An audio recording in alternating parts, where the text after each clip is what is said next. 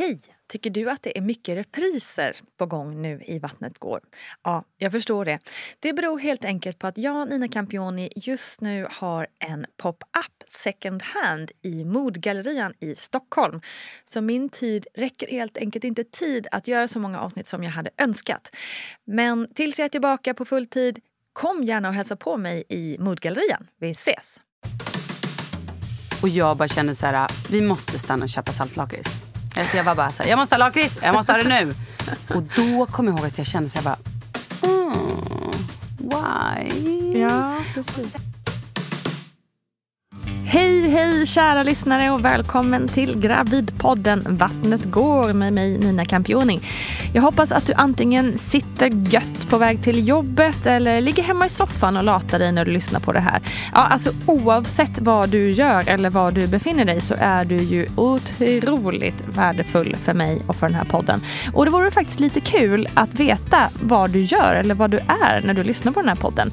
Så jag tänker att jag lägger ut den frågan på eh, Vattnet Gårs Instagram så får du jättegärna svara på det. Det vore otroligt eh, spännande och intressant att, att höra vad som försiggår där ute.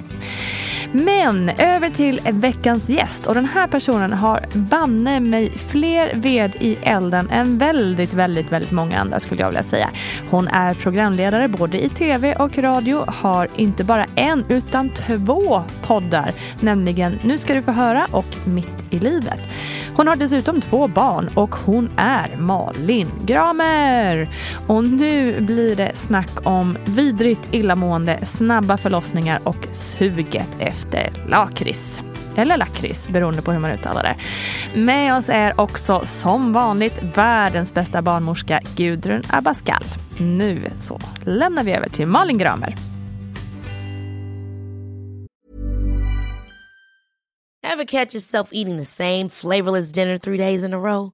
Dreaming of something better? Well, HelloFresh is your guilt-free dream come true, baby. It's me, Gigi Palmer. Let's wake up those taste buds with hot, juicy pecan-crusted chicken or garlic butter shrimp scampi. Mm. Hello Fresh. Stop dreaming of all the delicious possibilities and dig in at HelloFresh.com. Let's get this dinner party started.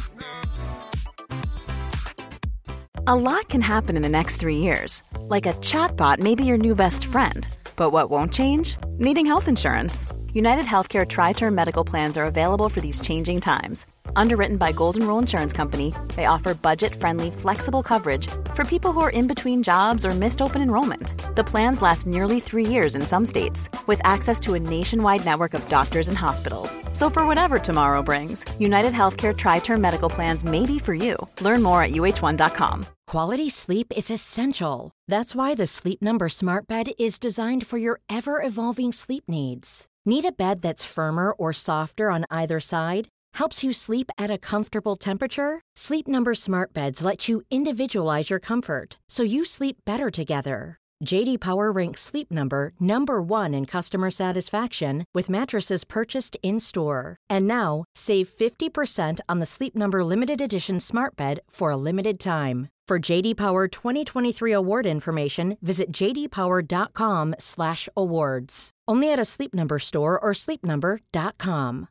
One size fits all seems like a good idea for clothes until you try them on. Same goes for healthcare. That's why United Healthcare offers flexible, budget friendly coverage for medical, vision, dental, and more. Learn more at uh1.com.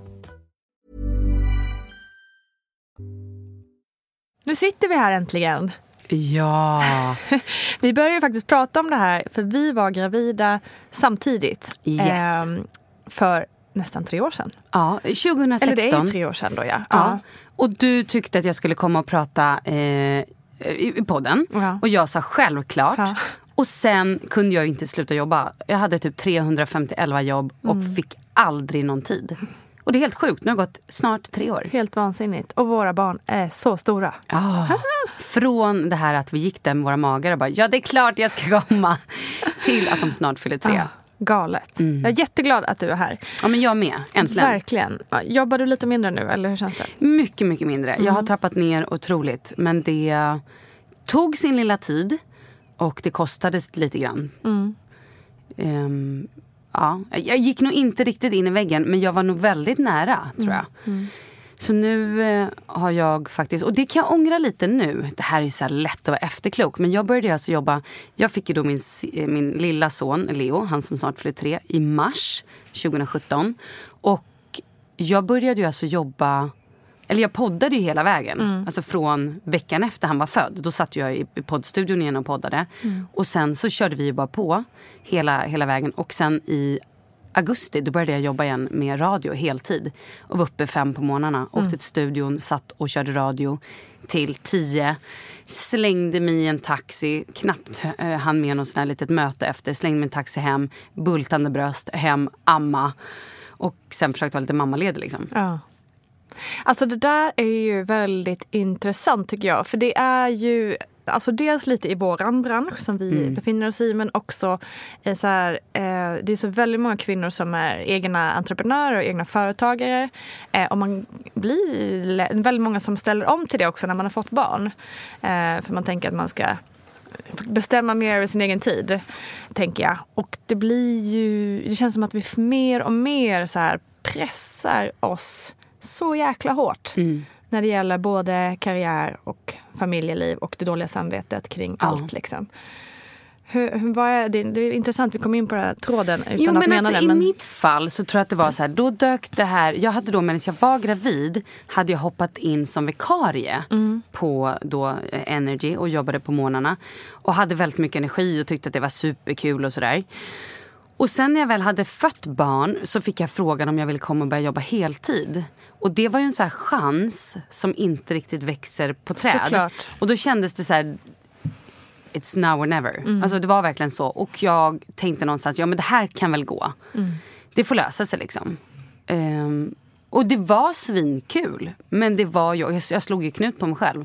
Och sen så när, ja Leo var ju inte ens ett år när jag också spel, alltså jag jobbade ju både då heltid med radion och eh, spelade in en säsong av Hemliga beundrare och sen så var det, spelade in en säsong av Stil i sikte, ett annat tv-program som gick. Och sen spelade jag även, åkte jag till Mexiko och spelade in en säsong av eh, Paradise Hotel. Åh, och jösses. även en till säsong av Hemliga beundrare. Wow. Allt det här liksom inom, det var ju på men åtta, under en period på så här åtta, nio månader. Herregud. Kanske tolv månader. Jag vet inte. Men alltså, det blev ju sjukt intensivt. Mm. Samtidigt då som Leo inte ens var ett år. Men eh, ja, det funkade ju. Mm. Men jag hade ju inte speciellt mycket energi över till familjen. Mm. Till stora barnet. Eller liksom min man eh, och sådär. Och eh, jag var extremt trött. Jag var, Mm. jag var ju ingen rolig. Jag var extremt tråkig. Alltså mina kompisar sa ju det, att vi, så vi försökte bjuda över på middagar och grejer. Och du åkte alltid hem sist. Du satt alltid och gäspade. Och, eller äh, åkte hem först, förlåt. Mm. Absolut inte sist. Och bara satt och gäspade. Och jag hade heller inget, jag hade ingenting att prata om. nej, För jag var så urlakad. precis. Och sen sov ju inte, eller fortfarande sov ju inte Leo hela nätter. Nej, för det är ju det också. Ja. Det är ju det att man inte får sova under den här perioden. För visst, jobba, man, vi är ju liksom, alla kvinnor är ju eh, hur grymma som helst och kan ha flera saker i luften samtidigt. Men om man inte får sova. Nej, det är ju det. Och då vaknade han ju så här, två, alltså jag tror att jag sov max två timmar på, rak, på raken. Och så vaknade han. Eh, Så kanske en timme vaknade, två timmar vaknade. Och så höll det på hela natten. Så jag fick ju aldrig en regelbunden sömn. Och jag är en person som inte heller kan sova på dagarna. Så... um, Men nu är jag ur det! Ja. Ja, men det är bra att, ändå att vi kom in på det. För jag tror att det, det är nog många som känner igen sig eh, i det här att man vill så mycket. Mm. Och det är ju så kul mycket med jobbet och karriären också. Ja. Så man vill inte missa saker heller. Nej. Men även, även på det sociala. Man vill ju vara med på allting och göra allting. Och, och så inser man att man kanske också är lite trött. Mm, det Någonstans är ju där. den lilla tröttheten. Ja. Men du, vi går tillbaka det som, till, till det vad podden egentligen handlar om. Ja. ja men du har ju, det här är lite kul, för du har ju då eh, en på tre år och en på elva, var det så? Mm. Och där då har det blivit ett glapp däremellan. Ja. Det är ju lite kul. Hur har, liksom, hur har dina tankar gått kring eh, skaffa barn? Liksom, har du alltid velat ha barn? Har du velat ha många barn? Eller liksom, har du, ja. Har du haft en plan? Eller har du... Jag har definitivt, ja, men jag har ju så här, ända sedan jag var liten haft en väldigt utstakad plan. Jag ska träffa en kille, vi ska gifta oss och vi ska få två barn. Och det ska vara ett år emellan, kanske två år. Alltså exakt så har jag ju tänkt. Eh, men så blev det ju absolut inte. Utan jag träffade ju, en, jag träffade ju då Charlies pappa. Vi eh, var tillsammans några år, vi fick Charlie och sen separerade ju vi när han bara var alltså, tre månader. Vilket gjorde ju att alla de här planerna, ingenting blev ju som det skulle och hela min värld blev ju upp och nervänd. Och från då att man så någonstans har haft en plan om att nu är vi en familj, vi ska skaffa fler, ja men du vet hela det där. Till att så här, okej, jag är singel Ja. och jag har ett barn. Hur, hur, hur funkar det? Vem, vem är jag i det här? Jag hade världens identitetskris. Och tyckte så här, "Ha, ska man dejta? Och har ett barn. Det verkar ju inte klokt, det kan man inte göra. Men det var så. Hur gammal var du då när du fick? Jag var 30, han- eller, Charlie föddes ju på min 31-årsdag. Okej. Mm. Eh, så vi delar födelsedag. Så jag var alltså ja, men 31. Ja, han Nej men gud, nu mm. trillar polletten i Ja okej, ni Ja. delar födelsedag? Jajamän, Shit. åkte in på min födelsedag. Wow. Så, eh, och barnmorskan bara, nej men du får en egen födelsedag. Ja. No, det fick jag inte. Wow. Ja, nej men det är superhäftigt. Ja, det måste ju vara väldigt ovanligt. Känns det som. Ja, alltså jag vet inte. Ju mer man pratar om det så tycker jag att så här, Så dyker det upp liksom? Ja, mina kusiner, är jag har tre kusiner varav två är födda på samma dag. Nej. Jo, det är också märkligt. Då tänker jag så här, då måste ju de typ ha legat på samma dag Ja. med båda barnen. Ja. Gud vad konstigt. Och varför sa jag så? Ah. Nej, men. Och det är så roligt också när jag tänker så. Då tänker jag så här, det betyder alltså att min mamma och min pappa måste ha legat på samma dag som då Charlie blev till. Och det är på min pappas födelsedag. Men lägg av, sluta! Det är inte heller kul att tänka så. Nej. Usch, varför sa jag det? Vi ska inte grotta ner oss i liggandet. okej, vi hoppar över det. Men lite kul Men intressant. Ja, verkligen. Kanske intressant. Roligt. Helt rätt. Ja. Ehm, men du, jag måste fråga då, nu kom, nu halkar vi in på en annan grej men också som är relevant för väldigt många i och med att ni breakade där efter tre månader. Eh, det känns som att det, eller det är ju väldigt många som gör slut det första året med Mm. ett litet nytt barn. För att det är, eller varför har jag inga svar på, men jag gissar Ja, att det är mycket. jag, tror? liksom. jag tror att det handlar om att det är så otroligt mycket nytt som händer Ja. som man inte riktigt var beredd på. Ja. Jag tror man tänker så här, ah, mysigt vi skaffar barn. Sen fattar man inte förändringen. Att helt plötsligt så är det en till person. Man har inte samma tid för varandra. Man kanske inte ser sin partner. Man sover ingenting, man är trött, man gnabbar mer. Mm. Man kanske fräser åt varandra. Jag tror att det är ganska... Mm. Alltså så här, jag förstår att folk är trötta och då tycker att någonstans att det kanske bara är skönare att vara själv. så att jag Mm. tycker egentligen att det är konstigt. Samtidigt som jag tycker att folk borde ju kämpa. Men Jag tror också att det blir lite, jag håller med dig om det där och sen tror jag också att man, precis som det är med ett, en liten bebis, att man tror att men gud ska det vara så här nu för alltid? Mm. Ska det vara så här nu för alltid att den skriker si och så eller att den inte sover si och så eller inte? Alltså man tror ju med det första barnet att Nej, men nu, nu är det så här resten av mitt liv. Mm. Och då kan ju den där grejen med förhållandet också kännas så att man Shit, nu bara bråkar vi. Det kommer, och det kommer ju inte bli bättre. Liksom, man tror ju att det är så här det ska vara. Men man vet ju själv, eller jag vet ju jag blir när jag inte sover. Mm. Och jag menar, är man då, nu är ju jag och min man, vi är gifta. Eh, nej men alltså, vi är ju extremt bjussiga med varandra. Att så här, nu tar vi varannan natt eh, och har ju gjort det ganska länge. Och är det så att den ena är superpaj så bara, men vet du vad? Nu sover du, jag tar det här. Eller så här, okej nu har du tagit natten. Jag går upp klockan sex och tar liksom, så du får sova tre, fyra timmar till. Ja, man inser att, att man bråkar av Ja, en anledning. exakt. Inte att man inte älskar varandra längre utan det är för att man är trött. Ja, liksom. menar, man är ju så trött så trött så att man, man orkar ju inte ens. Och då blir minsta lilla grej. Jaha, ligger dina strumpor här? Kan du inte ens ta undan dina strumpor? Jaha, det står mjölk framme. Och så till slut börjar man bråka om såna här petitesser som inte betyder någonting egentligen. Men för att man är slut. Precis. Och då är då, det är då det är så viktigt att inse att okej, det här är ett undantagstillstånd just nu. Det här kommer bli bättre. Ja, absolut.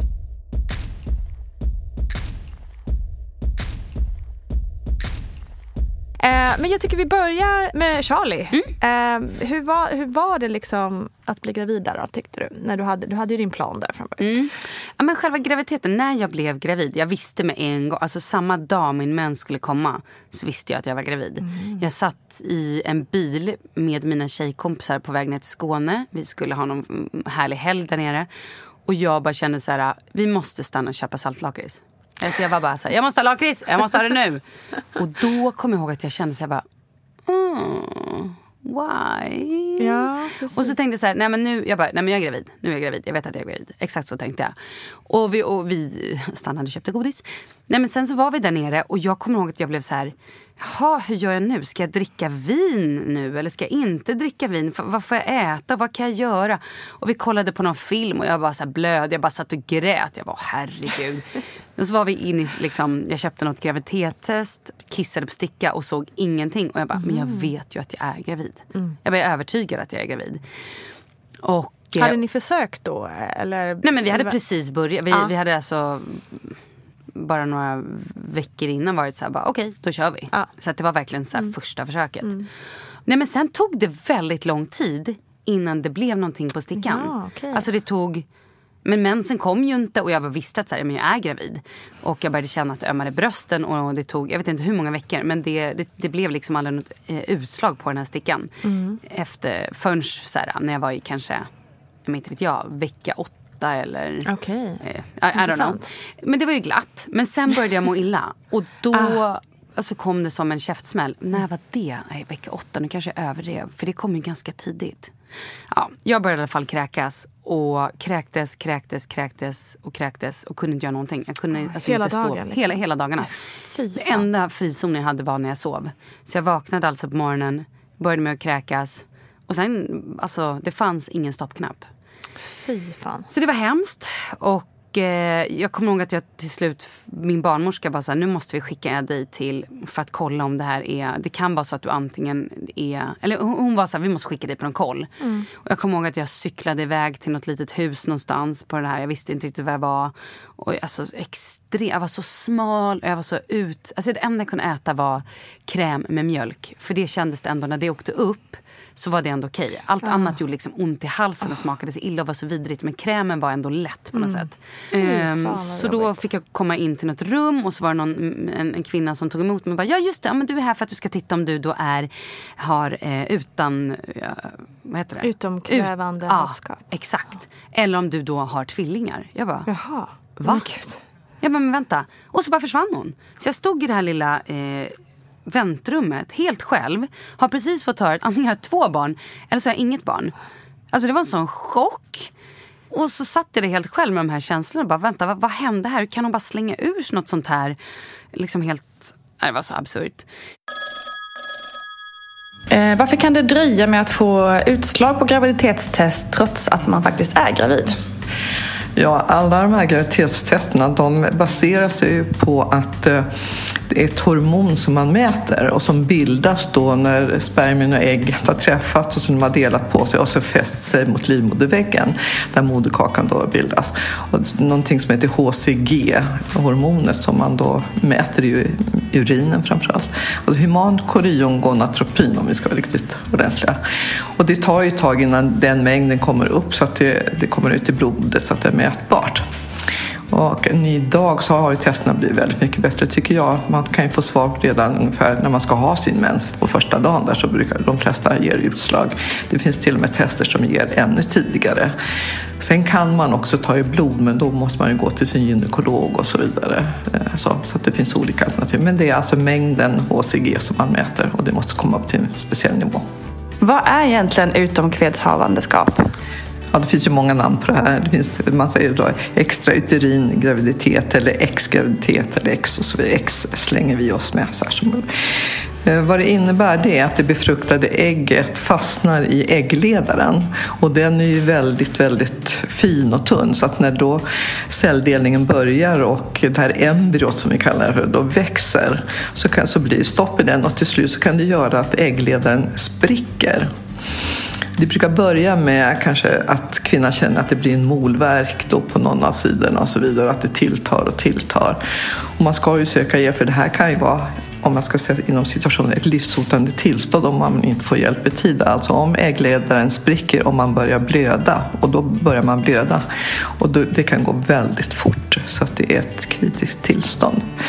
Idag så när man söker hjälp så kan man kontrollera det där med hjälp, lätt konstatera det hela med hjälp av ultraljud och så sedan så åtgärdar man det alltifrån om man måste operera, operera bort är eller om det är så att eh, den ändå kan passera på något, på något sätt. Så det, men det tar man ställning till när man kommer in. Men akut till, till gyn ska man då när man har det här. Sen fick jag i alla fall komma in och eh, så gjorde de en undersökning och så var det då, nej du har bara ett barn. Och eh, nej men sen låg jag i till vecka, vad kan det ha varit? 19 kanske. Och bara kräktes. Mm. Och sen eh, blev det stegvis lite, lite bättre. Um, ja, och jag fick... Alltså jag, jag, och det var så märkligt, för det var aldrig någon som sa... För nu i efterhand har jag fått höra eller för det, jag hade samma sak med Leo. Men då fick jag åka in på sjukhus och liksom få dropp. Och jag fick ja, liksom... Det, ja, nej men det här var ingen som, som nej, sa till mig överhuvudtaget. Utan jag låg hemma och, och såg ut som en pinne. Märkligt. Med superstora bröst. Alltså en Barbiedocka. Det var ju helt sjukt. Alltså jag bara, hela jag tynade ju bort liksom. Och du fick ingen, för det finns ju någon typ så här åksjukepiller Nej men jag fick ge, åksjukeband ja. på den tiden. Och jag vet inte om det är så att det har utvecklats mm. kanske nu. Eh, liksom. om man skillnad. vet mer eller om det var bara så att jag kanske borde bett om hjälp. Men jag visste, jag, alltså jag, tro, jag visste inget. Jag låg där och bara tynade bort typ. Forskas det något överhuvudtaget på det här med hyperemesis gravidarum eh, och saker som kan underlätta för kvinnan som mår riktigt, riktigt illa? Ja, nej, det här har jag verkligen kollat upp både med, med de som jobbar i branschen, på läkarna och bland barnmorskor och letat. Och det känns inte som det är någonting som man är så himla mycket och forskar på utan man bara har konstaterat att det här är från det vanliga graviditetsillamående som vi kallar, kallar det för till, till hyperemesis, alltså där kvinnan då inte kan i princip få behålla någonting så att, och som blir då ett allvarligt eh, tillstånd. Och vad man nu, nu ska eh, göra kring det här, det är väl till att börja med att, att eh, så vet vi att det här att på morgonen att äta någonting lätt i alla fall och inte kliva upp och sedan små äta under dagen och så vidare. Så att det, det är väl bra. Man vet också att mot sånt här illamående så ger man vitamin och B6 eller det finns olika vitaminer som, som man kan ge då i tablettform eller injektionsform. Alltså det finns ju inga studier som visar på om det är bra eller inte och hjälper så hjälper för det är ingenting som är farligt. Eh, sen så vet vi också att vi har åksjukebandet mot illamående. Det finns inga studier och det är väl ja, hjälper hjälper. Vi har ju det här med placeboeffekten som är 30 procent så tror man riktigt mycket på någonting så, eh, så hjälper det. Däremot akupunktur vet jag många kvinnor har haft bra hjälp av måste jag säga. Faktiskt som jag var väldigt skeptiska till att börja med men jag har nu träffat fler. Sen är ju de här kvinnorna då som verkligen inte får behålla någonting och då ska man ju söka hjälp hos sin barnmorska på, på sin barnmorskemottagning som kommer med de här olika råden. Men är det annars så blir man ju inlagd på sjukhus. Och på, då blir det på en gynekologavdelning som man ligger och där man får då transfusion med vätska och näring och sådana saker som man behöver. Men det här är ett väldigt tufft tillstånd så att säga. Det är viktigt det här att man har koll och söker hjälp i god tid och inte väntar tills man är helt uttorkad och så vidare. Men borde det inte vara, och nu frågar jag efter din personliga åsikt. Ehm, man tycker, jag hör ju ofta i det här att det är väldigt många som mår väldigt, väldigt illa. Ehm, borde man inte tycka att det kan finnas ett intresse att hitta någonting, ett litet piller eller något som kan hjälpa? Ja, det finns ju, finns ju läkemedel som man ger också. Typ, men då, då är det åksjuke tabletter, typ Postafen eller Lagegancom som, som man ger.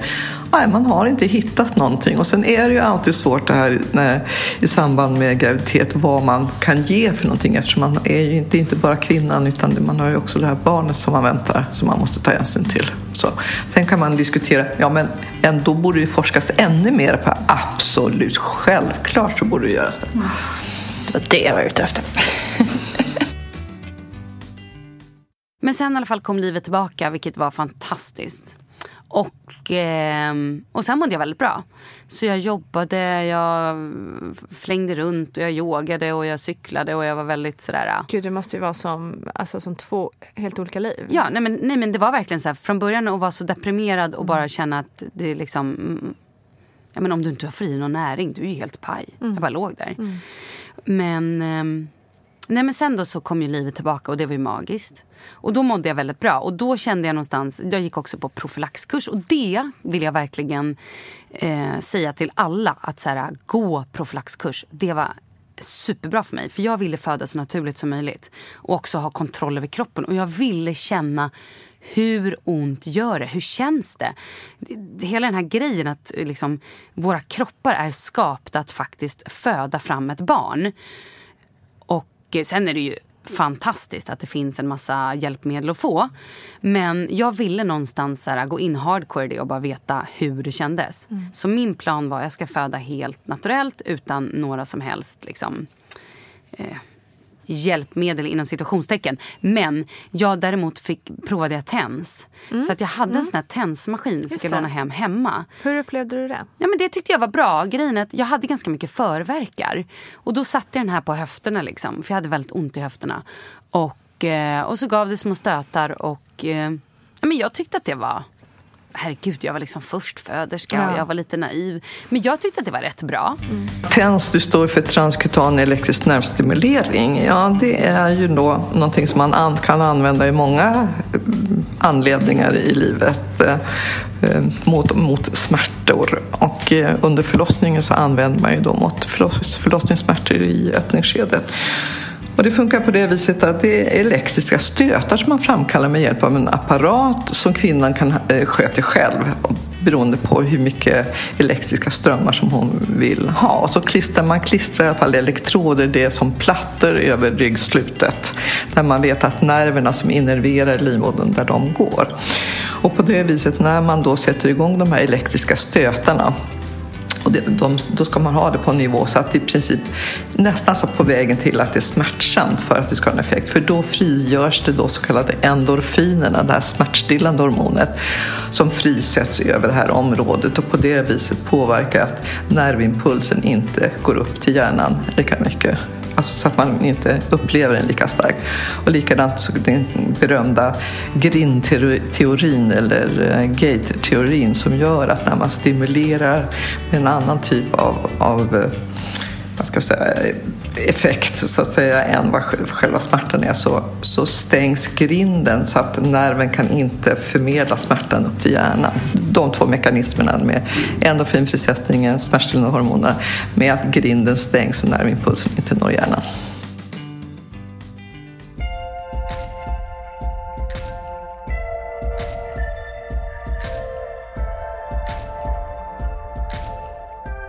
Jo, man fick ju då skriva ett sånt här brev. Ja, så att min plan var att jag vill åka in på BB. Eh, jag tänkte att jag har nu gått profylaxkurs. Jag ska andas mig igenom den här förlossningen. Jag kan tänka mig lite akupunktur. Mm. Om det är så att det finns. Och jag kan också tänka mig att bada lite grann. Så sen när dagen kom, min födelsedag, eh, vi hade gäster över som också var gravida. Två andra par som också var gravida, men som då skulle föda på sommaren. Eh, de kommer hem till oss och jag minns att så här, samma sekund det ringde på dörren så fick jag en verk. Och jag bara, åh herregud. Så jag skrek till då Charlies pappa, jag bara öppna dörren, jag måste bara ta den här verken. Så in kommer de här människorna och ser att jag ligger där och flåsar i soffan och andas. Och det var ju, det var ju som att de hade kommit på en show. De bara, ja. middag med show. ja, det här var ju bästa som kunde hända. De bara, wow, hur ont Perfekt. gör det exakt? Vad händer nu? Eh, så det var extremt spännande. Eh, och sen skulle vi då äta middag.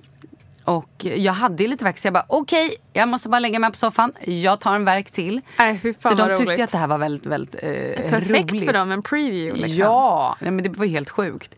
Men eh, Ja, och sen så hade jag hört att så här, man ska gå in och duscha. Duscha mm. varmt. Så jag bara okej, okay, jag hoppar in i duschen. Jag duschar lite grann. Ni kan ju äta på här. Så gick in och Don't duschade. mind me, jag ska bara föda lite ja, barn. Och då var, då var det ändå så här, jag tror att verkarna kom ändå ganska liksom, tätt. Mm. Så då sa jag det bara, snälla kan ni bara ringa till BB och bara dubbelkolla? Medan jag duschar lite. Och de var så här, nej, nej, men det är förstföderska. Ta er tid. Ni behöver absolut inte oroa er. Okej. Okay. Och då var klockan, eh, när de ringde på dörren, då var klockan typ sex. Mm. Och eh, Ja, nej men tänkte väl jag, nej men då kör vi på här hemma. är lite trevliga och sådär. Ta några verkar emellan bara. Och sen så gick jag på toaletten och då hade det kommit blod. Och då kände jag så här, det här ska vi kanske inte riktigt. Och då ringde vi in igen. Varpå de var så här, men vet ni vad? Kom in. Så vi sa hej då till våra middagsgäster. Eh, packade ihop lite väska och sådär. man ni lite göra. väck här bara. Ja men verkligen. Tårta finns i kylen. Nej, nej det var verkligen på det sättet. Vi bara okej, tårta finns i kylen. Eh, kör på. Och, eh, och då åkte vi in till BB.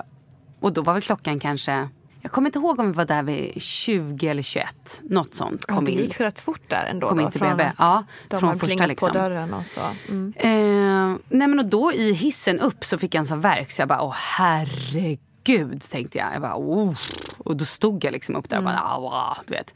Eh, men kommer in dit och jag är så här, ja jag vill bada. Det jag har hört ska vara bra. De placerar mig i något badkar och jag bara, åh gud nej det här är så obehagligt. Och vad, ska jag göra här? Det var lite kallt. Jag bara kände, men gud. Så jag, och det liksom kändes som att det kröp lite i kroppen också. Så jag slutade bada efter kanske 10 minuter eller 5 minuter. Och sånt där. Fick gå in på rummet igen. Eh, och jag kände hela tiden att någonting är i vägen. Jag bara, den här hinnan, jag bara måste få ut det här vattnet. Alltså det kändes som att det är i vägen. Och så kände jag, men nu måste jag gå på toa. Och de bara, ah, men då får du sätta dig på en liten sån här papperskorg. Känns det ju som att man sitter. Som har en stor, det är ju typ som en papperskorg.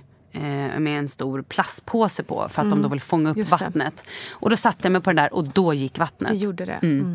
Eh, och då såg de också... och coolt att du kände att det Nej var... men jag bara, det här är i vägen. Jag bara hela tiden, jag bara, det är något som är i vägen. Ehm, och då var det, ja men då hade han bajsat i vattnet. Mm. Så då tror jag att de blev lite, här, inte oroliga men då vill de ju ha lite koll. För att Ja. då kändes det som att nu är bebisen rätt stressad. Så då fick jag lägga mig ner. Låg på rygg och de skulle sätta in sonder och grejer på huvudet på honom. Och, sådär. Mm, det, och då var jag öppen, när jag kom in på BB, då var jag öppen 6 centimeter. Ja, du var det. Ja. Just. Så... Eller hittar jag på det här nu? Var jag öppen fyra eller två? Jag var öppen i alla fall en, en, en hel del. Jag kommer Mm. inte ihåg exakt hur mycket. Men, eh, nej, men sen så var han ute kvart över elva. Oj, Ja. okej. Så det gick ganska snabbt där. Från att så här, vi var inskrivna, jag fick lägga mig i sängen. Då tror jag, jag tror att jag låg bara i den där sängen kanske från tio. Ja. En timme ungefär. Och egentligen hela vägen då från att alltså gästerna kommer klockan sex Ja, ja, ja. och det börjar för dig. Så gick det ju fort ju. Ja, ja väldigt fort. Jösses. Så jag är ändå väldigt glad att vi fick åka in där. Att inte vi Mm. satt, ja, men jag hade, hade inte det där blodet kommit, då hade jag utan problem bara, ja, ja nej, jag, precis som att jag låg hemma och, och kräktes i liksom, Visst. 19 veckor och trodde att det var det normala. Då hade jag suttit där hemma och bara, ja, ja, nej, det här gör ju lite ont, men så här ska det vara. Mm. Ehm, så, nej men det gick ju, alltså det var väldigt, gick väldigt bra. Jag använde profylaxandningen och jag var extremt Ja, du, kunde du använda dig Ja. av det trots att liksom, Ja, men du är förstföderska och inte riktigt vet? Nej men liksom. verkligen. Och det kände jag så här, jag var väldigt nöjd med hela min förlossning och tyckte, alltså så här, det gjorde ju svinont. He- jag kände ju hur hela mitt bäcken flyttades. Alltså hur benen typ, det är ju inte skönt. Nej. Det är ju vidrig känsla. Och jag tror att jag har romantiserat det här efteråt. men, jag Mm, är lätt tyckte ju, men jag tyckte ju sen efteråt att det här, det här var det coolaste jag varit med om Mm. i hela mitt liv. Och ehm, ja. Och du gjorde det utan liksom, inga andra liksom, medicinska Nej, men jag fick också, jag, jag, jag, de satte också lite nålar och det var Ja, också så här, så jag bara nej men ta bort det här, det här var bara i vägen och jobbigt. Men jag tror att med tanke på att det gick väldigt fort ehm, så gick det väldigt bra med bara profylaxandning och allt det där. Och det vill jag också tipsa alla om att här, även om man tänker att så här, jag ska bara göra så här, jag vill bara göra naturligt. Så sa jag också till barnmorskan, där jag skrivit det där brevet att jag lämnar över mig helt totalt till er. Tycker ni att så här, någonting går fel eller att jag behöver epidural eller att ni vill föreslå någonting annat, gör det då. För ni är ändå experter. Jag tänkte inte komma in här och vara någon liksom, tro mig veta allt. Utan eh, hellre det än att jag sen blir besviken över att det inte blev riktigt som jag trodde. Men det är väl ett väldigt bra råd att man kan liksom ha eh, föreställningar över hur man skulle vilja att det ska vara. Mm. Men att man är öppen för att man vet inte riktigt hur det kommer bli. Ja, absolut. Eh, så det är väl en jättebra måttstock tänker jag. Mm. Grymt. Men alltså jag tänker också, eh, minns du, nu är ju det här ett tag sedan, men minns du eh, hur, hur, hur det gick över till från öppningsverka till liksom kryst, verkarna? Att det liksom... Ja men det gick ganska snabbt. Mm. Jag kände bara helt plötsligt bara så här, det här är en helt annan form av verk. Mm. Och då var barnmorskan så här, nu måste du hålla emot. Jag bara hell no. Det här går inte att hålla emot. Men då hör, försökte jag ändå att göra det. Och nu efter, eller så här, jag kommer ihåg då att jag kände så här, men varför gör jag det här när hela min kropp skriker att, att jag måste trycka på nu. Mm. Men det var väl på grund, de har ju koll liksom. Mm. Eh, och, och det gick också, jag tror inte att det var så många kryssningsverkar. Jag tror att det gick ganska fort. Mm. Nej, vet du vad grejen var? Att jag kände bara den, liksom riktig kryssningsverk och sen tror jag det kom en till. Och sen var de inte lika intensiva utan det var liksom verkar hela, hela tiden. Så det blev inte det här äh, som, alltså riktiga kryssningsverkarna. Utan det var liksom verk, verk, verk, verk, verk, verk. De, de slutade aldrig. Så att det blev, det var så intensivt där. Ehm, och jag tror också att hon var så här, nej men du ska inte riktigt krysta nu. Och jag bara, nu kör jag. Jag krystar på för nu jäklar, nu ska ungen ut. Eh, Men att jag nog inte riktigt var i, nej jag vet inte. Jag såg också på den här kurvan, för de sätter ju någon sån här CTG-kurva eller vad det heter. Och då var den liksom, den var så hög hela, hela tiden så att det var bara att köra på. Nu bara kör vi. Ja. Jo, vänta, vet du vad? Nu glömde jag en sak. Jag försökte mig på lustgasen. Ja, du gjorde det? Okej. Ja, för jag var så här, nu vill jag prova lustgas.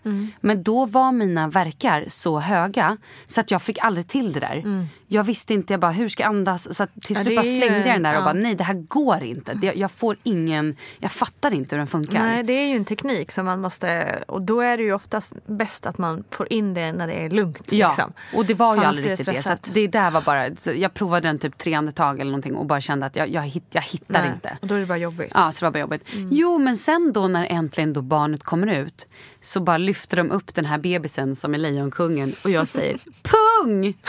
Varför har min flicka en pung? Ja, för att det är en pojke. Jaha, sa jag. Nej, det var ju så, det var ju världens mäktigaste känsla sen när han bara kom och låg på mitt bröst. Det var ju så coolt så att, och vi hade ju redan bestämt att han skulle heta Charlie. Vi visste ju att det var en Charlie. Även Men var, du, någonstans- hade fortfar- du, Nej, du tänkte inombords att det var en flicka? Ni hade inte kollat antar jag då? Vi hade inte kollat. Och det, magen hette Charlie, alla visste att det var en Charlie. Och vi visste väl egentligen att det var en kille. Men jag hade så svårt att förlika mig med att det skulle komma ut en pojke ur min kropp när jag var flicka. Eller flicka nej, att jag är kvinna. Alltså så här, jag kunde, och jag har vuxit upp bara själv med min mamma. Så jag har nog alltid trott att jag skulle få en tjej. Jag kunde, jag kunde bara inte få in det i mitt huvud. Men sen så fort han var där och den där pungen hängde där. Då var det mest naturliga någonsin. Så, nej coolt alltså. Världens coolaste grej. Men då hade han också, då var han så tilltryckt så hans näsa var liksom helt boxarnäsa, helt sned. Och han hade också legat och blivit tryckt så han hade stor, stor liksom böld i huvudet eller en sån här äh, vätskefylld Jaha, ja, bula i, i pannan. Så han var inte jätte, det var inte det vackraste liksom. Men det tyckte jag i alla fall Ja, såklart. Hur gjorde du med amning och maten och sådär?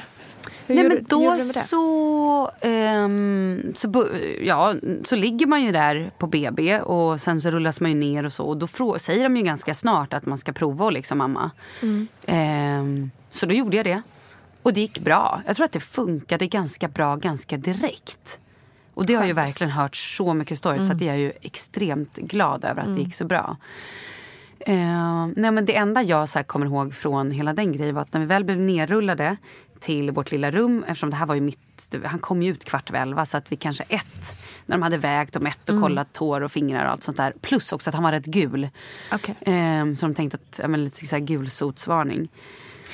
Så eh, fick vi då ligga i det här rummet där vi skulle sova över natten.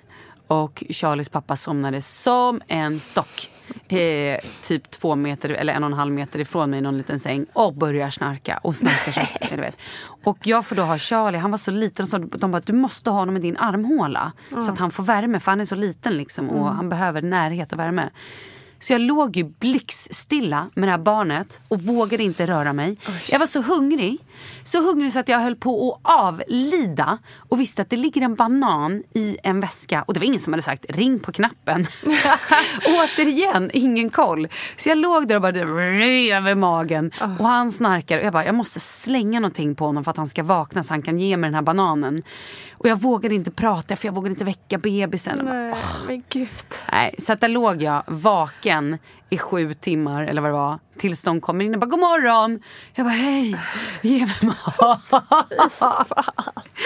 Åh gud. Du stackare. Mm, men det var det värt. Ja, men det är ju roligt när man tänker tillbaka. Bara. Nej, men man alltså, hur dum otur- är jag? Ja, Jag hade ju, jag hade ju lätt bara kunnat lyfta upp den här bebisen och Ja men det flytta vet på när man är första gångs Nej, alltså, men jag vågar förälder, inte. alldeles splitterny förälder. Ja. Vad vet man? Nej. Jag skulle ju ge det här barnet värme. Jag vågar inte Ja, flytta på mig. Jag känner mig som en pingvin. Kycklingmamma Ja, så här, ja. precis Ja, som din svinge. Exakt. Ja, fint. Åh, Tänk om de bara hade sagt att det fanns en knapp som kunde ge mig mat. Precis. Det visste du till nästa gång.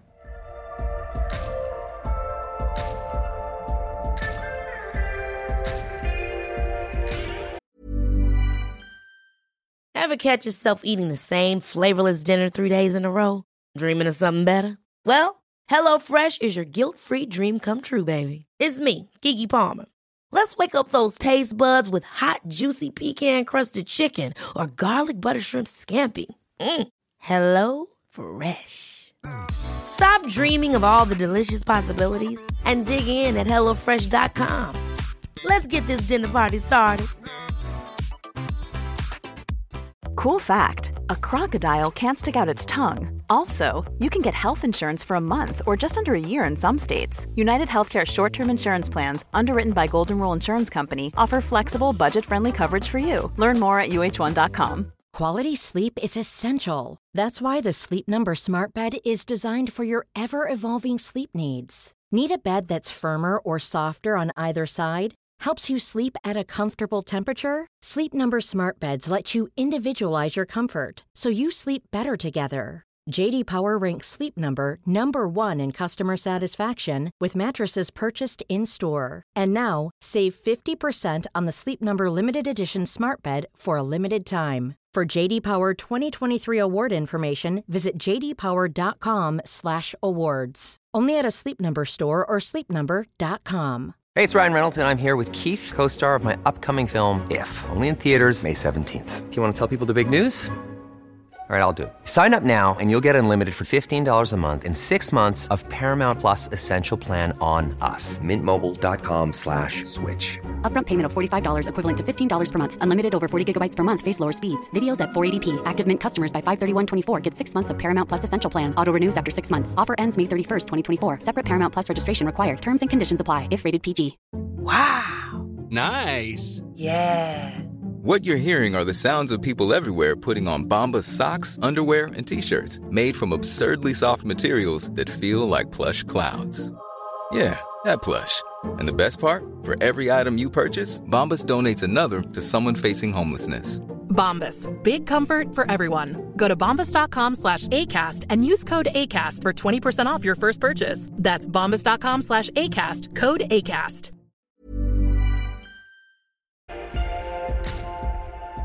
Sen gick det några år Ja. och eh, du träffade en ny fin... Och grattis förresten, ni har ju ganska... Nu när vi spelar in i alla fall så är det hyfsat nyligen fortfarande färskt i minnet att ni har gift er. Ja, tack. Ja, det är så häftigt. Otroligt vackert bröllop. Jättemysigt. Som jag smygkollade på Instagram. Så härligt. ja. Eh, ja, men du träffade en ny man. Eh, började ni prata om barn direkt? Eller hur var Ja, men det jag gjorde nog det. För jag var ju så här, jag vill ha fler barn. Och jag tänkte hålla på och wastea tid på män som inte vill ha barn. Ehm, och då var ju vi ändå, hur gamla var vi då? Ja. Förlåt, har han barn sen innan också? Eller hur? Han, eh, ja, så att, eh, vi har ju nu hemma då, ehm, ja det är ju då 10, 8 och 2 halvt just nu. Han hade en sen innan och jag hade en sen innan. Och jag tror att, jag, jag frågade ganska tidigt så här, vill du ha barn? Och då var han så här, ah nej men jag vill ha barn. Och, liksom, och det här var ju liksom innan vi egentligen var typ seriösa. Eller liksom, det var ganska tidigt i vår relation. Och, ehm, men sen när vi verkligen var liksom stabila och jag började prata om barn. Alltså vi kanske hade varit tillsammans något år. Då var han bara så här, nej jag vill inte ha fler barn. Och då kom ju kniven i mitt hjärta. Alltså jag Ja. var helt, jag var så förstörd. Jag kommer ihåg att ehm, jag skulle flytta från min lägenhet som jag hade då. Och eh, skulle ge bort spjälsängen som jag hade sparat. Och den stod nere i källaren. Så väldigt symboliskt. Ja, extremt symboliskt. Jag har liksom sparat bebiskläder och den här sängen. Och då kom några och skulle hämta sängen. Och de kom och hämtade sängen. Och jag gick in i badrummet, kurade upp mig, alltså satt som i fosterställning på toaletten och bara grät. Och grät och grät. Och kunde liksom inte, för det bara kändes som stor sorg. Jag bara, så, det var det. Det blir inga fler barn. Ehm, jag var så ledsen så jag visste inte vad jag skulle ta vägen. Och sen kom ju det här, jaha okej vad gör jag nu? Nu har jag liksom träffat en man som jag verkligen älskar och känner att så här, jag har en framtid med. Men måste jag nu göra slut med honom för att jag Vilket ska jag offra? Ska jag offra barnet eller ska jag offra honom? Alltså så här, vad, vad ska jag göra? Vidrigt val. Det var hemskt. Jättehemskt. Och sen eh, kommer jag faktiskt inte ihåg själva liksom resan. Eh, men jag var, det var liksom tillfällen när jag på riktigt hade så här moments. Jag bara, är det så här nu? Ska, jag måste nog göra slut. Jag måste nog följa mitt hjärta att liksom jag har alltid velat att Charlie ska, liksom, ska ha fler syskon. Och, nu hade han ju ett bonussyskon i och för sig. Men, men det var så stark känsla i mig att jag ville ha till barn. Sen vet jag inte om jag hade liksom gjort slut ändå om han verkligen, verkligen inte hade velat ha barn. Jag vet inte. Men det var ändå tankar som liksom fladdrade omkring. Nej, och sen pratade vi om det och sen var han så här bara, nej men jag, absolut, det är klart att vi ska skaffa barn. Om liksom. det är så viktigt liksom, för dig. Nej men jag tror också eller- att han eller hade vuxit in i Ja. Mm. känslan och någonstans kände så här att ja, det är ju alltid så att har man haft en tidigare relation, det är klart att man har med sig allt. Självklart. Allt liksom. ehm, men ja, Allt som kan gå fel Ja, och allting som var jobbigt. Och, mm. Ja. Men sen bestämde vi i alla fall för att säga, nej men nu försöker vi. Och eh, då skulle vi då försöka, eller så här, börja skaffa barn. Jag slutade med mm, preventivmedel eller vad jag nu hade. Och eh, jo, och jag kommer ihåg att jag gick till barnmorskan. Och jag vet faktiskt inte om vi då hade provat en månad och det inte blev något. Eller, jag kommer inte riktigt ihåg. Men jag kommer ihåg att jag gick till barnmorskan och var så här, okej, okay, jag måste bara veta, har jag ens ägg? Mm. Jag var ändå vadå, 39 eller något sånt där tror jag när jag blev gravid. Och jag var så här, jag, jag, nej vad var jag, 38? Jag fick nog barn när jag var 39. Jag har ingen aning längre. Jag vet inte ens hur gammal jag är. nej men, men det var ändå så att jag kände så här, Ja, finns man var det ens ägg? som- ja. Ja men alltså, ehm, gick till barnmorskan. Hon var så här, ja. Just nu skulle jag vilja säga så här att det är stor chans att du får tvillingar om ni blir gravida. För du har två ägg. Oj. Så jag, jag, jag, hon var lite så här, ett varningens finger nästan. Att Så här, ja, väljer ni att försöka nu då är det stor chans. Eller Oj. risk tror jag till och med hon sa. Hon så stor risk. Så jag, Jag lägger ingen bedömning vi här, Nej, men det är stor risk. risk. Jag bara okej. Och jag har ju alltid haft en dröm om att få tvillingar. Ja. Så jag gick ut där, jag kommer ihåg att jag var så här, jag bara herregud. Ska jag mörka det här för Kalle? Just. Och bara köra på? Ja. Eller ska jag liksom come clean och berätta hur det är och vi kanske måste vänta. Jag vet inte. Så att jag gick ut och jag var väldigt så här, eh, liksom, ja. Och så var jag också lite grann, jag vill heller inte riktigt berätta att vi har ägglossning nu utan jag vill hellre bara att vi att det inte blir någon press när vi ligger med varandra. Så jag tror att jag bara gick hem och förförde honom. Och Det finns sen- ingen anledning att jag öppnar dörren i en negligé. Nej, nej, nej, nej bara- ingen anledning alls. Jag bara tänkte att det är ju tisdag älskling. Mm. Hur som helst, eh, och det här var på sommaren. Och jag åkte sen till Skåne, till min mamma. Och med då Charlie och han var hemma och jobbade och sen skulle vi mötas upp på ehm, Legoland Mm. med båda barnen. Och nere i Skåne återigen, jag bara, Lakrits. Jag vill ha lakrits. Nej. Jo, jo. Jag bara, nej. Jag bara, nej men jag är gravid. Samma sak där, jag bara, jag vet att jag är gravid. Åkte igen, köpte en sticka. Inga utslag på den här stickan. Och jag bara, men jag vet, jag vet så mycket att jag är gravid. Till slut i alla fall, och jag ringer, jag vet inte, jag, tror, jag berättade det här för honom. Han bara, ja fast vi vet ju inte än. Jag bara, jo det vet vi. Han bara, nej det vet jag. bara, okej. så vi, Jo, jag är i Skåne faktiskt. Ja. I Skåne, det är där jag blir gravid. exakt. Nej, men och ehm, vi träffades upp på eh, Legoland och jag låg och så här, på, på, och jag bara, älskling, så här var det ju. När jag var hos barnmorskan, då sa hon att det var två ägg. Så att jag låg där på kvällen och googlade dubbelamning. Han bara, du vet Nej. inte ens om du är gravid. Slut. Jag bara, nej, nu måste jag kolla dubbelamning. Okej, så här gör man. Så här och så här. Och sen då så gick vi då på Legoland dagen efter och jag kommer ihåg att jag ringde 117 och bara, hej, det kan vara så att jag kanske är gravid. Får jag åka karuseller? De bara, eh, vad, vad menar du? Jag bara, ja men jag tror, de bara, ja fast är du inte, du, så här. Och de tyckte att jag var svinlöjlig. Nej men jag åkte inga karuseller. Nej. Alltså de här riktiga berg jag bara, när det stod så en skylt, här får man liksom, eh, är du gravid får du inte åka? Jag bara, jag åker inte. ja men du förstår. Ja men fint ändå, Ja. så här modesinstinkten Ja, är så- on point. Ja, verkligen. Som en liten hönsmamma igen. Nej, men sen kom vi då hem och jag köpte några stickor. Återigen, inget utslag på stickorna. Men in, min mens har liksom varit så här on time. Typ fredag klockan 12. Japp, där kom Så att jag, jag, så här, jag visste att jag var gravid. Men sen en dag så bara, ah, men nu måste jag kissa på stickan. Och så hade, så hade jag sagt det till Kalle, jag bara, men jag väntar tills du kommer hem. Mm. Tror jag kunde hålla mig. Jag var tvungen att kissa på stickan. Och då ringer han samtidigt, precis alltså så här, en minut efter, när jag bara, okej, plussat. Så ringer han, jag bara shit, jag kommer inte kunna mörka det här. Jag Nej. vill ju berätta face to face, jag kan inte berätta på telefon. Och han bara, ha, har du kissat? Nej, bara, han visste det. Han bara, du har kissat? Jag bara, ja. Han bara, vad var det då? Jag bara, nej men det, det var ett plus här. Och så visade jag, han bara, hej, ja, okej, ja, he, he, he. Då satt han där och jag har aldrig sett de här konstiga ryckningarna i hans ansikte. Hela, här, hela han var så bara, jaha, vad roligt, ja, eh, och han bara, okej jag ringer upp dig snart. Jag bara, va? Han la alltså på. Vi han pratade några minuter, sen la han på. Fem minuter senare ringer han upp. Då sitter han med två styckna såna här 200 grams chokladkakor. och typ så här, bull, han hade bullat upp med så mycket godis. Eh, och så ringer han och bara, jaha, ja, vad kul. Ja, eh, eh, och han, han kan inte sluta le. Han är så glad, eh, men också i chock.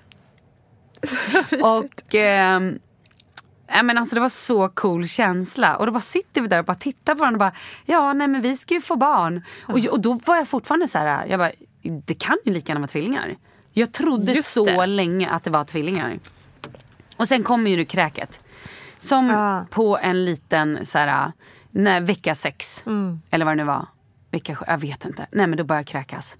Och jag kräks och kräks och kräks och kräks och kräks. Och den här gången kunde jag inte bara ligga hemma och liksom, du vet, 12 timmar på sträck och bara kräkas. För nu helt plötsligt hade jag barn. Som också då behövde ganska mycket, som också skulle börja ny skola. Börja ny skola. Hela semestern låg jag och kräktes. Jag märkte på honom att han blev så stressad och nervös. Och jag sa ingenting. Men jag ångrar så mycket att vi inte berättade för barnen med en gång. Att så här, så här är det. Jag kräks för att jag är gravid. Ni ska få ett syskon. Eller så får ni inte ett syskon. Men jag ligger och kräks. Därav, jag är inte sjuk. Och jag tror att han trodde att jag skulle dö. Oh, stackarn. Så han blev liksom, nej men han var så stressad och han fick tics och det hände så mycket saker och han började samma veva ny skola och jag, efter, alltså jag mår så dåligt bara jag tänker på det här. Åh. Och jag bara kräktes, kräktes, orkade ingenting, var helt från, alltså jag jag orkade, jag orkade liksom inte. Till slut jag hade kräkt så mycket och jag bara kände att så här, nu skiter jag i om jag dör eller inte. Jag hade ingen livsgnista kvar. Och men då till slut fick jag in på sjukhus. Så då åkte jag in på Danderyd. Och eh, blev inlagd.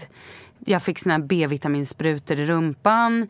Jag fick alla möjliga piller. Jag fick stolpiller. Jag, fick, ja, men alltså, jag kunde inte ta någonting i munnen för att jag kräktes ju konstant. Och då fick jag ligga där inne. Jag tror jag, låg, jag, tror jag var på Danderyd vid två tillfällen. Och... ehm, ja, fick de här pillerna som mm, gjorde kanske att jag var lite bättre, fast jag vet inte. Fortsatte kräkas. Och eh, sen en dag, min mamma var hemma hos mig alltså så för att hjälpa till med barnen, hjälpa till med... För Kalle jobbade ju liksom. Det var ju fortfarande att barnen skulle ha mat, de skulle på fotbollsträning. Jag skulle liksom, så jag fick ju ta hur mycket hjälp som helst. Och eh, mamma var hemma och hade lagat makaroner och falukorv någon dag. Och jag kommer ihåg att jag så här, tog mig upp och bara, jag måste i alla fall sätta mig vid bordet. Och tog en tugga av stuvade makaroner och falukorv och bara, gud vad gott det här var.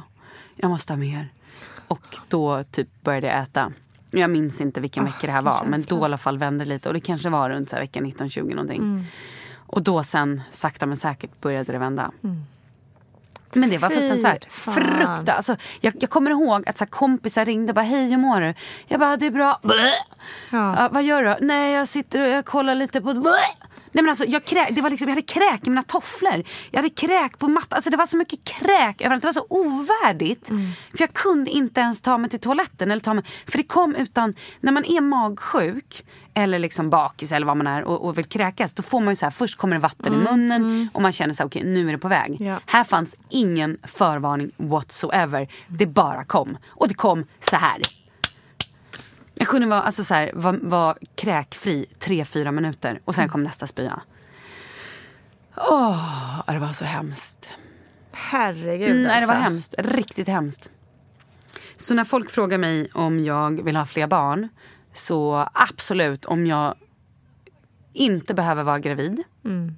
För det skulle, alltså så här, jag vill inte utsätta min... Det är hemskt men jag kan inte utsätta barnen för det. Nej. Alltså det är ändå så här 20 veckor när man är från, alltså, Mm. bortkopplad från hela familjelivet. Jag kan, inte, så här, jag kan inte vara en mamma, jag kan inte läsa saga, jag kan inte natta, jag kan inte pussa. Jag, kan inte, jag är bara en ur, alltså en trasa som är helt, ja, men ligger och liksom inte har någon, en deprimerad trasa. Fruktansvärt. Nej, jag kommer ihåg också, jag såg ju Kalles, alltså så här, hans min ibland och han bara tittade på mig och bara kände så här. Nej, men, och jag orkade inte ens bemöta det. Jag bara, gud. Jag bara vände mig om typ och titt, stirrade in i soffkanten och fortsatte kräkas. Liksom. Nej, det var fruktansvärt.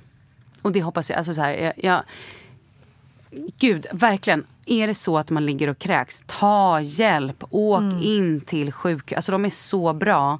Se till att få både de här B-vitaminsprutorna. Alltså det kan man verkligen i, i väldigt tidigt få. Där måste man få tre dagar i sträck. Vad gör de då att man, vad får man då? Mer energi eller vad? Nej, B-vitamin gör att, ska göra att man inte kräks så mycket. I Aha, don't know. Och Jag vet inte. Det kanske är att jag har att jag har för lågt B-vitamin i min kropp. Att det är det som gör att jag kräks. Eller, jag har ju så många gånger bara försökt ta reda på vad egentligen Ja. handlar det här om. Men eh, ja, B-vitamin ska ju tydligen vara väldigt, väldigt bra. Och ehm, ja, nej men alltså verkligen. Se till att ni får hjälp för det är inte värt det. Så hemskt alltså. Mm. Och sen kommer jag ihåg att det var någon som skrev till mig på Instagram efter hon hade hört mig prata i vår podd tror jag när jag berättade att jag bara hade kräkts och kräkts. Hon bara Du har ingen riktig hypermiss bli bli vad det nu heter. Jag kan inte ens säga det. Pinsamt. Men eh, du vet inte vad det är att vara riktigt sjuk. Jag låg i 40 veckor eller något sånt. Jag bara I feel so sorry for you. Jag är ledsen. Ja. Men man måste inte tävla om det. Nej, verkligen. Jag kände det också. Jag bara så här, ja, det här var ju min upplevelse och jag är ledsen att du har också haft det jävligt tufft liksom. Men ehm, Är fruktansvärt. Lider Mm. Ja. med alla där ute som Ja. går igenom det här. Fy fan alltså. så hemskt. Och så här, jag bara kunde känna någon klev innanför dörren och hade ätit lök. Jag bara, åh, luktar lök! Och kräktes. Mm. Men sen kom det ju något gott ur det. Och nu i efterhand kan jag ju så här, äh, skoja lite om det. Men det är fortfarande lite, lite. Jag tror så här, hade jag inte haft Charlie så hade det nog inte varit lika... Eller så här, hade Charlie inte tagit så mycket stryk av det så hade det nog inte varit lika ehm, jobbigt eller vad man säger. Men nu känner jag mig som världens hemskaste mamma som utsatte honom för det här. Men gud, Och jag kommer ihåg att vi var, vi var i, i Skåne på semester. Och jag bara låg, jag låg inne i bad, alltså jag låg på den här lilla badrumsmattan i en vecka i sträck. Och barnen, vi skulle bila hem och jag till slut bara, nej men jag måste flyga hem. Det går inte, jag kan inte sitta i en bil i åtta timmar. Så att jag, eh, min man körde mig till flygplatsen. Jag hade med mig 3000 olika påsar, satte mig det här på flyget som tar en timme. Jag vet inte hur mycket jag kräktes. På Arlanda eh, tog jag en taxi hem och bara ringer och gråter. Jag var så slut, jag bara grät till en av mina bästa kompisar. Hon bara, vet du vad, nu hämtar jag dig, nu åker vi till sjukhuset. Du går inte där längre. Ehm, ja. Nej, Nej, men det är ju det också, att det inte bara det här fysiska, vidriga fysiska utan att man dels blir ju naturligtvis deprimerad av att ligga sådär. Och också då det dåliga samvetet gentemot andra. Nej, men Det är just för då, mycket Ja, för men en just människa då- att ta. Liksom. Ja, men just då, det är så hemskt. För just då när jag låg där och hade liksom, jag, jag var ju helt, jag hade ju ingen näring i kroppen whatsoever. Återigen, jag kunde äta lite kräm och lite mjölk. Men jag uppfattade att den här gången var mycket, mycket värre. Att jag kräktes så mycket mer. Kanske inte gjorde det. Kanske har förskönat första gången också att jag var ju helt själv. Men just det där att jag inte ens brydde mig, orkade inte ens bry mig hur familjen mådde. För att jag kunde, som jag sa, jag kunde lika gärna ha dött. Alltså jag bara, I couldn't care less vad som hände med mig. För att jag var inte riktigt där. Det är ju så läskigt i efterhand. Ja, det är tufft alltså. Gud. Men finns det någon, liksom, kände du att du fick någon hjälp med det mentala kring det här? Under din graviditet? Eller också efter och bearbeta det liksom? Nej. Och det är kanske samma sak. Jag kanske borde bett om hjälp. Jag vet inte. Men det var bara så här, jag bara red igenom det och bara, ja, nej men det är väl så här det ska vara lite grann. Om jag ska vara ärlig så har jag ju heller inte egentligen mått... Alltså så här, jo förlåt, jag hade världens bästa barnmorska som jag gick till. Hon var faktiskt ett fantastiskt stöd. Och det är möjligt att så här, hon hade säkert plockat upp mig och hon märkte. Men så fort det vände och jag kunde börja äta igen och allting så fick jag ju livsgnistan tillbaka. Och hade jag då inte alltså, haft någon form av depression eller så, då hade hon nog plockat upp det. Det tror jag absolut. Men, jag, men jag tror att så fort jag liksom började äta och kom ju faktiskt livsgnistan tillbaka och jag kände mig ja, men levande igen. Liksom. Så det hade jag nog absolut fått.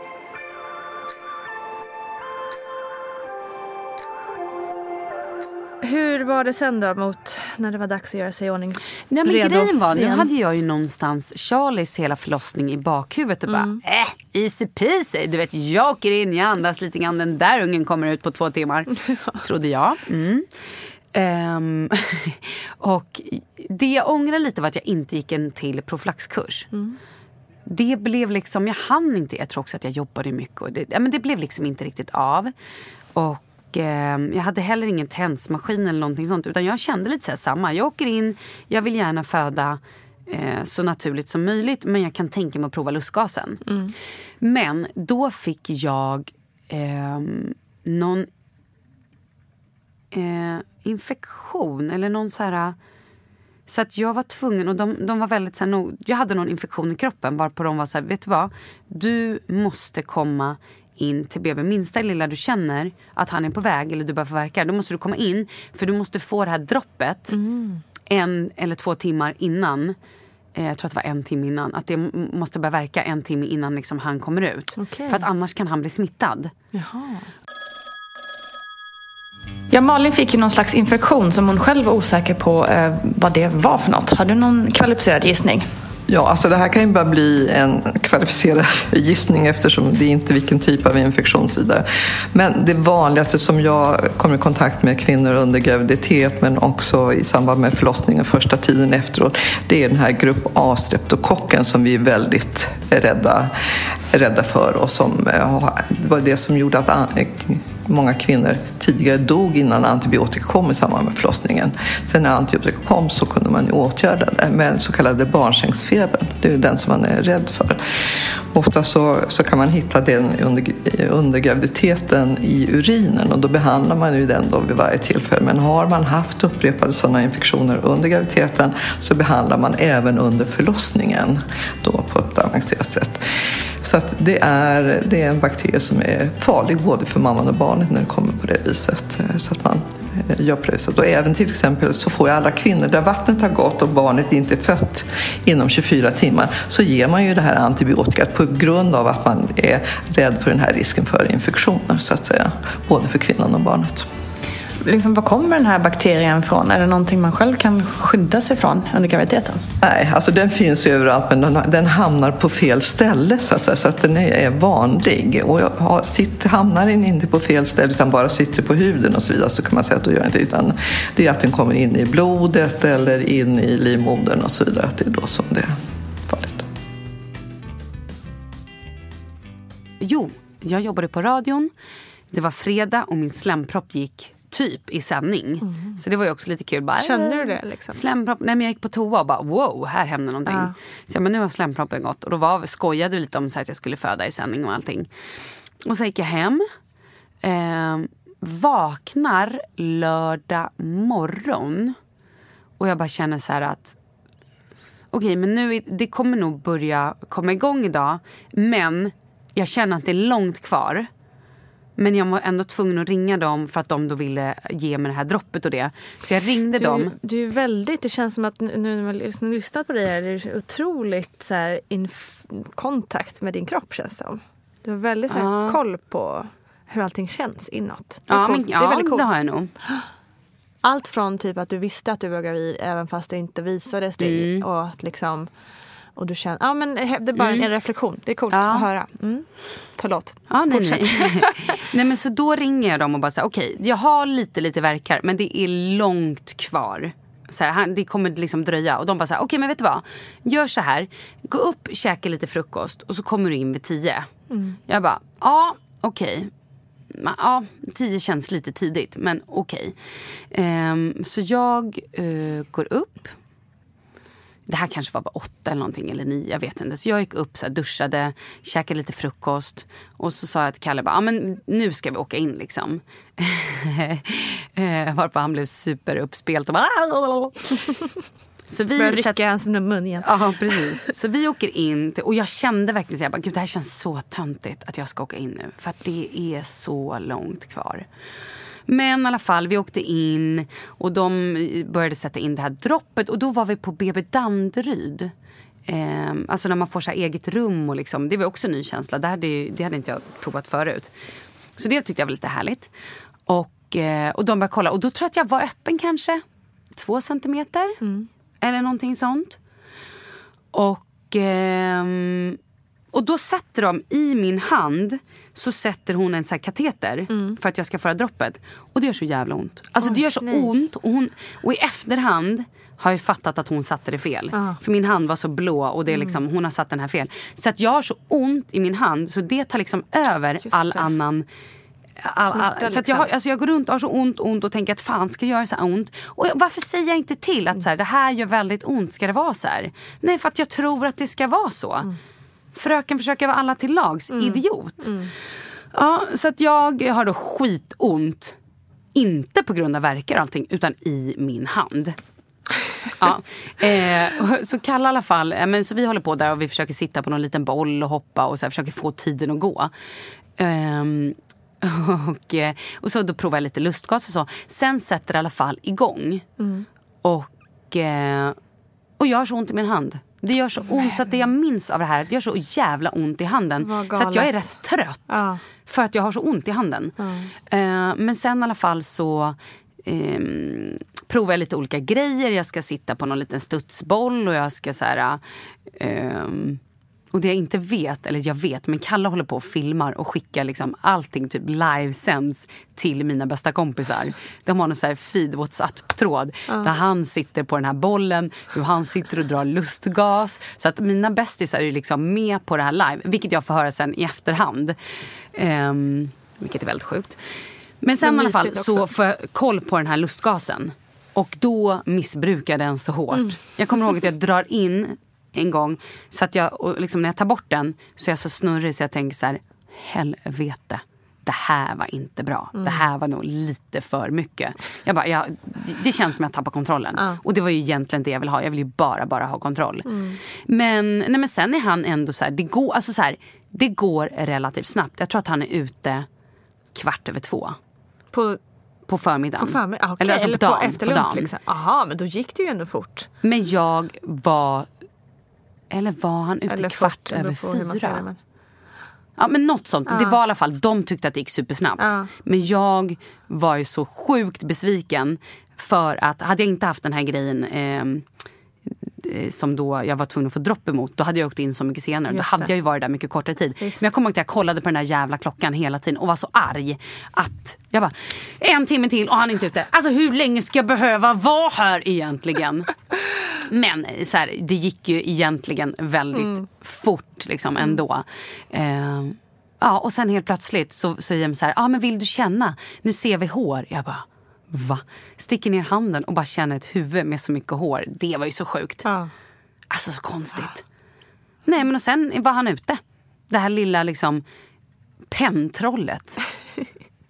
Som då typ var vit med blå ögon. Kalle bara, är han vit?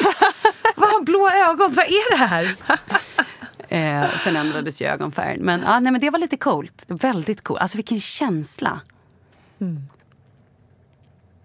Men fortfarande är det typ det största jag minns är att jag har så ont i Att du handen. har ont i handen, Ja, jag har så ont i handen. ju- och när de tar bort Gud, den här grejen och vi ser, alltså handen är så blå och liksom... Åh. Ja. Sa de någonting om det sen? Bara, Oj, det här. Ja, jag tror att hon som tog bort den var så här, oj det här ser inte bra ut. Hon Nej. bara, det här har måste gjort ont. Jag bara, jo tack. Ganska. Kan man säga. Men, men jag minns ju då att, den här, att förlossning nummer två var ju då värre inom situationstecken. Men det var nog lite för att jag kände att jag inte själv hade kontrollen. Nej, det. Och för att jag hade så jävla ont i handen. Mm. Vilket så här i efterhand låter så otroligt patetiskt och löjligt. Men, men, Men det, är det tog det liksom... är ovanligt att höra att jag har ont i handen. Det, det kan man säga. Ja, men Inte det tog patetiskt, liksom men bort, ovanligt. Det tog så mycket fokus Ja, tror jag från själva. Och också tror jag att det var för att jag hade den här föreställningen. Och det vill jag också säga till folk som ska föda sitt andra barn. Att det blir ju absolut inte som den första. Man kan ju inte jämföra. Det är, och speciellt jag, det hade ju gått liksom sju år emellan. Mm. Så det måste man också tänka på att jag var ju egentligen om, alltså så här, förstföderska räknar man det väl egentligen som. Mm. Nej men så är det ju Men- verkligen att varje förlossning, även om det handlar om exakt samma familj och samma partners Mm. och allting, så är det ändå en helt ny förlossning. Ja. Eh, verkligen. Och här, nu när jag födde Leo så stod jag på alla fyra. Eh, och liksom han föddes då baklänges, eller hur man nu ska säga det. Och jag vet inte, det var de som tyckte så här, ja men ska du prova det här? Och sen liksom gick allting lite fort. Men jag hade nog egentligen hellre legat på rygg som jag gjorde när jag födde Charlie. För det visste du ju också hur det gick till. Ja, ja men precis. Egentligen. Ehm, och också att jag liksom, för nu såg jag ju ingenting. Då var man ju med och kunde ändå se. Mm. Ja, liksom. Eh, nu kändes det som att jag missade lite Ja. det. Ja, precis. Men så jag upplevde samma sak. Först, för att jag, födde Essie så stod jag, eller lutade jag mig framåt. Alltså man lutar sig på den här, Mm. Ja, eh, sängen. Eh, och då kände jag väldigt starkt, så vill jag göra med Rocco också. Ja. Men då fanns det inte heller tid att vända på mig för jag hade Mm. legat på rygg lite. Så då blev det liksom, nu, nu jävlar kommer han här. Vet du. Och då kände jag också, så här, men nej jag vill ju vända på mig. Fast jag egentligen inte, det gick ju egentligen bättre för mig andra gången. Men, Mm. Ja. men man bara har liksom, just för att man så har jag gjort innan så därför vet jag att det funkar. Typ. Men sen var det ju en liten, inte chock, men just där sen efteråt. När man inte har någon bedövning i kroppen. Mm. När de liksom syr, även om jag fick sy väldigt lite. Men ändå så att de syr typ två, tre stygn.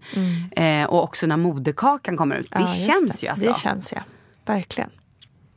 Men gav de ingen så här lokalbedövning eller någonting? När Nej, jag bara sydde på... Ja, nej, nej, nej. Men man är ju rätt bortdomnad, men det Jo, känns ju ändå förvisso. liksom. Men man kan, ju, Ja. man kan ju erbjuda i alla fall. Kanske. Ja, Ja. men väldigt eh, otroligt spännande och, eh, och eh, ledsamt också att höra om hur du har mått under dina graviditeter. Men, eh, Fast det är också så här, nu när jag tänker på det så är det ju så här, det är ju lite Alltså det är ju för färskt för att jag ska vilja bli gravid igen, Mm. absolut. Men det är ju ingenting som jag går runt och egentligen så här, tänker på. nej. Utan jag mådde ju väldigt bra de, alltså, i slutet av graviditeten. Herregud, jag var på gymmet, jag tränade, jag var ute och flaxade runt. Så det är ju... Där må, så det, jag kan inte riktigt säga att jag har haft hemska graviditeter. Utan så här, ja, jag har haft dåliga början på båda mina graviditeter. Men sen har jag liksom mått toppen. Men det är ju också tur att man glömmer och går, Ja, kan gå vidare liksom, eh, i livet. Mm. Du, nu har du egentligen redan eh, tipsat om väldigt bra grejer Mm. eh, genom samtalet. Men har du något annat som du gärna skulle vilja eh, ge med lyssnarna? Ja, men eh, en grej som jag kommer ihåg när jag skulle föda Charlie. Då hade jag precis en av mina bästa kompisar precis eh, tre veckor innan fött barn. Vi båda var förstföderskor. Och då var hon så här, hon bara Ta med dig nu från BB, sno med dig handsprit. Det kanske man inte får göra, men ni får köpa egen handsprit. Ni behöver inte sno. Eh, men ta med dig också de här stora bindorna och de här liksom, eh, pl- eh, trosorna, man får. nättrosorna, ja. Eh, och Mm. också så här, för så, sen kommer efterbörden och hela det här. Mm. Och det vet jag inte om jag egentligen var så... ehm, hade hört så mycket om. Nej, det stämmer. Det stämmer. Jag känner igen det. Ja, Så det tyckte jag var ett ganska bra tips från henne. Mm. Att så här, och sen också var hon så här, ta med dig bananer, ta med dig eh, energidryck, ta med dig eh, liksom bars och grejer så du har under förlossningen. Hennes förlossning hade tagit så mycket längre tid än vad min gjorde. Men ehm, men det tyckte jag ändå var väldigt bra tips. Och sen också att man faktiskt tänker så här. Prata igenom med din partner exakt vad du vill. Och är det någonting du absolut inte vill, säg det till din partner. För när du ligger där i liksom krystningsskedet, du kommer inte kunna prata. Alltså du kan inte föra din talan. Det kanske man kan göra om man har lugna stunder. Men i liksom the moment så är det svårt. Och jag tror också att det är bra eller som, som jag känner så här, jag hade skrivit mitt förlossningsbrev, vad jag ville ha allting. Men att man ändå tänker på att så här, de här människorna som jobbar med det här, de är proffs. Och jag kände någonstans, det här är ju bara mina liksom, känslor och tankar, men ehm, att bara lita på att de gör det som är bäst för dig. Säger de så här, nu tycker vi att du ska ha epidural. Var inte för stolt eller tycka att det inte är bra eller så här, nej jag klarar inte. Utan så här, de vet vad som är bäst för dig just då. Ehm, så ta all hjälp man kan få. Ja, Det är väl egentligen det. de är superproffs. Ja, verkligen. Och, hell- och också så här, fråga. Gör det ont när det sitter dropp? Men säg det då. Var inte så här, känn inte att ni är i vägen. Eller liksom, om ni tycker någonting är konstigt. Och är ni inte heller eh, trygga med den barnmorskan som kommer in. Då säger ni det. Byt. De är med om det dagligen och det är inte konstigt utan det är din upplevelse. Du ska vara så trygg som möjligt och det är liksom ditt forum och det är din upplevelse. Ehm, ja. Basta. Och sen också en cool grej. Ta mycket foton. Filma. Alltså ben, ni behöver liksom inte filma själva liksom, muffen om ni inte vill. Vi, vi gjorde inte det. Men alltså så här, det är ganska häftigt att titta tillbaka. För i alla fall med, vi tog inte så mycket foton på Charlies förlossning. Det fanns ju inte heller, jag hade ingen iPhone eller liksom så här, såna telefoner då. Men nu så är det ganska kul att titta tillbaka på här, alla filmer och allting. Mm. Just det, där satt jag med luftgasen, där var jag superhög. Eh, där gör vi det, så här såg det ut. För det glömmer man lite grann gud. sen. Det är mitt största så ånger inne. att vi inte, Ja. vi tog inte alls, vi filmade ingenting. Eh, och vi har bara väldigt få bilder. Ja, och nu hade jag också velat att man hade just det här precis när de kommer Ja. ut. Alltså ha Ja. det här, liksom, även om det kanske är ur muffvinkel eller lite ovanför som man Mm, inte riktigt ser, alltså från magperspektivet eller vad man säger. Men det är ganska coolt Gud ja. att ja. ha. Det vore fantastiskt att ha. Ja. Verkligen. Tips. Ja, verkligen. Och sen också bara så här, det är så många som är rädda för att föda barn. Jag kan verkligen säga att det är det absolut coolaste jag gjort i hela mitt liv.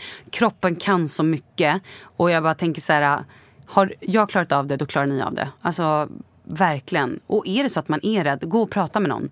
För det här ska vara en häftig och cool upplevelse tycker jag. Och eh, det är inte värt att gå runt och liksom ha ångest eller må dåligt över. Tänk så här, kvinnor har fått barn i ta fan väldigt, väldigt många år. eh, och vi är så privilegierade i Sverige som får så mycket hjälp och liksom har ja, men, bra barnmorskor och läkare och liksom hela det här teamet på plats. Så försök att bara slappna av och tänka att du är i goda händer. Och är det så att du är rädd, ja men gå i KBT innan eller prata med någon så att du verkligen får njuta av upplevelsen. För som sagt, bästa jag gjort i hela mitt liv.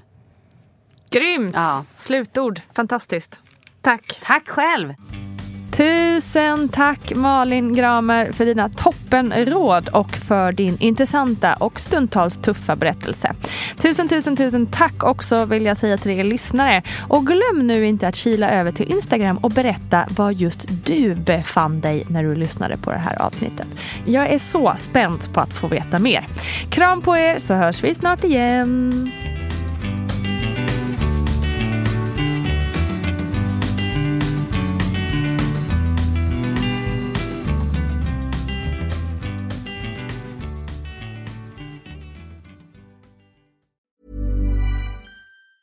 Planning for your next trip? Elevate your travel style with Quince. Quince has all the jet setting essentials you'll want for your next getaway, like European linen, premium luggage options, buttery soft Italian leather bags, and so much more. And it's all priced at 50 to 80% less than similar brands. Plus, Quince only works with factories that use safe and ethical manufacturing practices. Pack your bags with high-quality essentials you'll be wearing for vacations to come with Quince. Go to quince.com slash trip for free shipping and 365-day returns. Hold up. What was that? Boring. No flavor. That was as bad as those leftovers you ate all week. Kiki Palmer here, and it's time to say hello to something fresh and guilt-free. Hello Fresh. Jazz up dinner with pecan-crusted chicken or garlic butter shrimp scampi. Now that's music to my mouth. Hello Fresh. Let's get this dinner party started. Discover all the delicious possibilities at hellofresh.com.